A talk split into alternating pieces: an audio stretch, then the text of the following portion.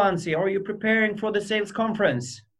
I am indeed. I am indeed. I'm, um, yeah, I've cooked up a lot of fun and interesting stuff that I'm going to be presenting there. So uh, I think it's going to be a blast. I've been uh, thinking a lot in the recent weeks about, um, you know, what'll give, what'll provide the most value for the participants. So uh, yeah, definitely preparing, and I, uh, I think it's going to be a really fun session.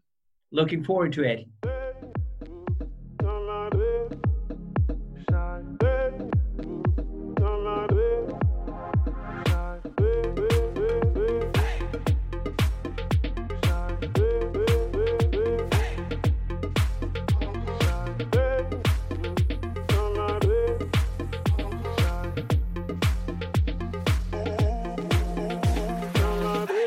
Och välkommen till Säljpodden. Vi har tre dagar kvar till The Sales Conference som går av stapeln den 19 november. Det ska bli så otroligt roligt att vara med även i år med sjukt härliga keynote speakers. Jag har varit med i 11 år tror jag och eh, varje år har jag tagit med mig någonting som jag kunnat använda direkt. Och jag switchar till English now to present this week's guest, who will be a keynote speaker at the sales conference on Thursday.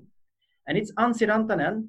He's a growth marketing expert, a serial entrepreneur, and winner of the two 2019 Nordic Business Forum Public Speaker Award. Uh, he has been working at Google for three years, and he's now CEO of a Dutch uh, education company. I'm so happy to present Anssi Rantanen. Welcome to Säljpodden. Thank you so much. It's a pleasure to be here, and I'm looking forward to uh, being in Stockholm for the sales conference as well. You will be joining me for two episodes. The first one we're recording today, and regarding your sales memories. Uh, so let's dive into that because uh, this is in fact Säljpodden, so we need to talk about sales memories. Are you ready for the first question? I am. straight away. Okay. Can you tell the listeners about your best sales memory?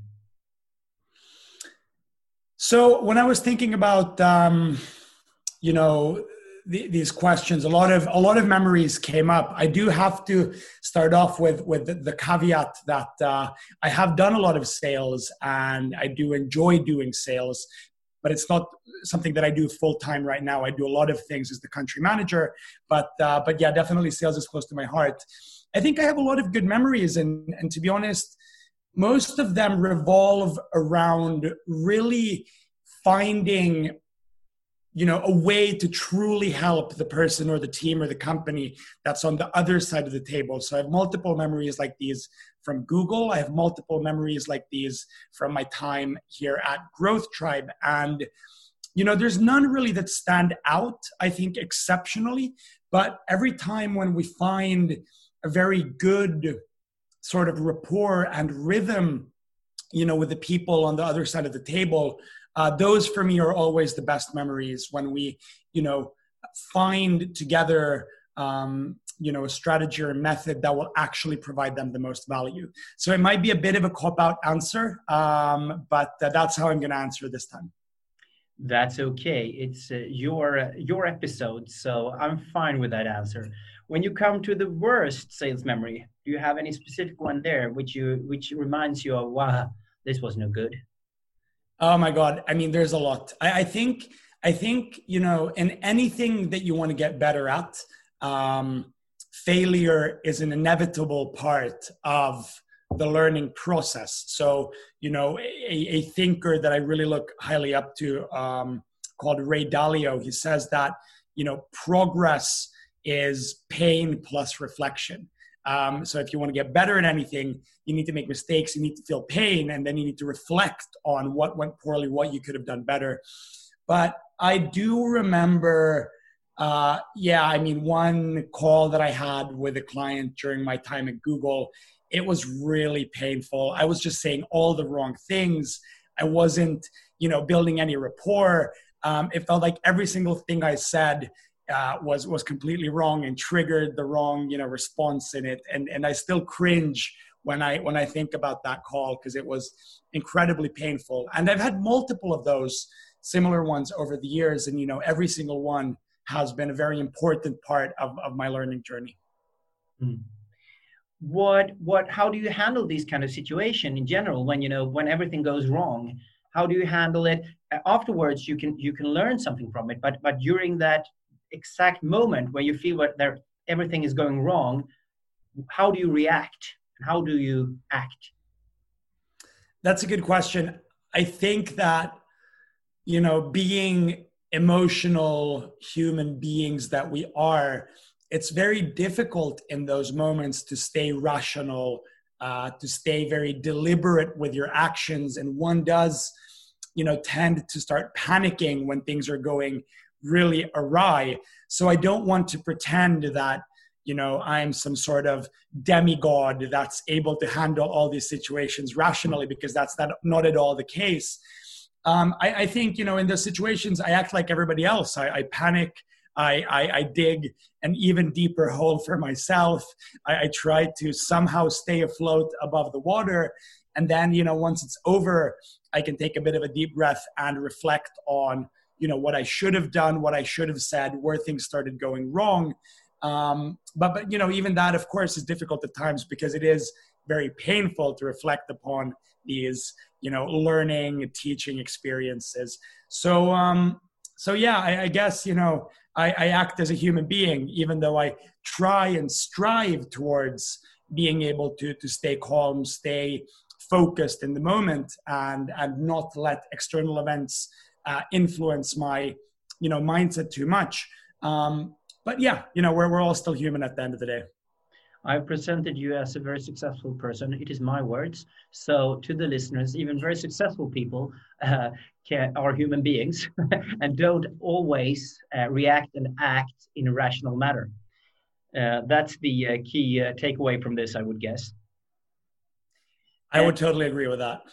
The third question then is Do you have anything surprising that has happened to you during a customer meeting or maybe during some of your uh, lectures or, or well well i think in, in, the beginning you know when i was when i was doing when i was meeting with with people or, or, or when i was doing sales or doing presentations or keynotes you know obviously from my point of view everything that i'm saying makes sense and everything that i'm saying is smart etc i mean as as as people we you know have this sort of self-centeredness bias where where we you know think that the way that i think about this thing or this problem or whatever is is the right way to think about it and i think in the beginning you know it was very surprising to me that especially maybe in presentations keynotes etc that there was a part a part of the audience that was never really getting it you know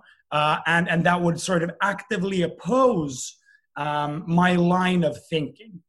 So there's there's really two layers, two elements at which you know I try to think about this.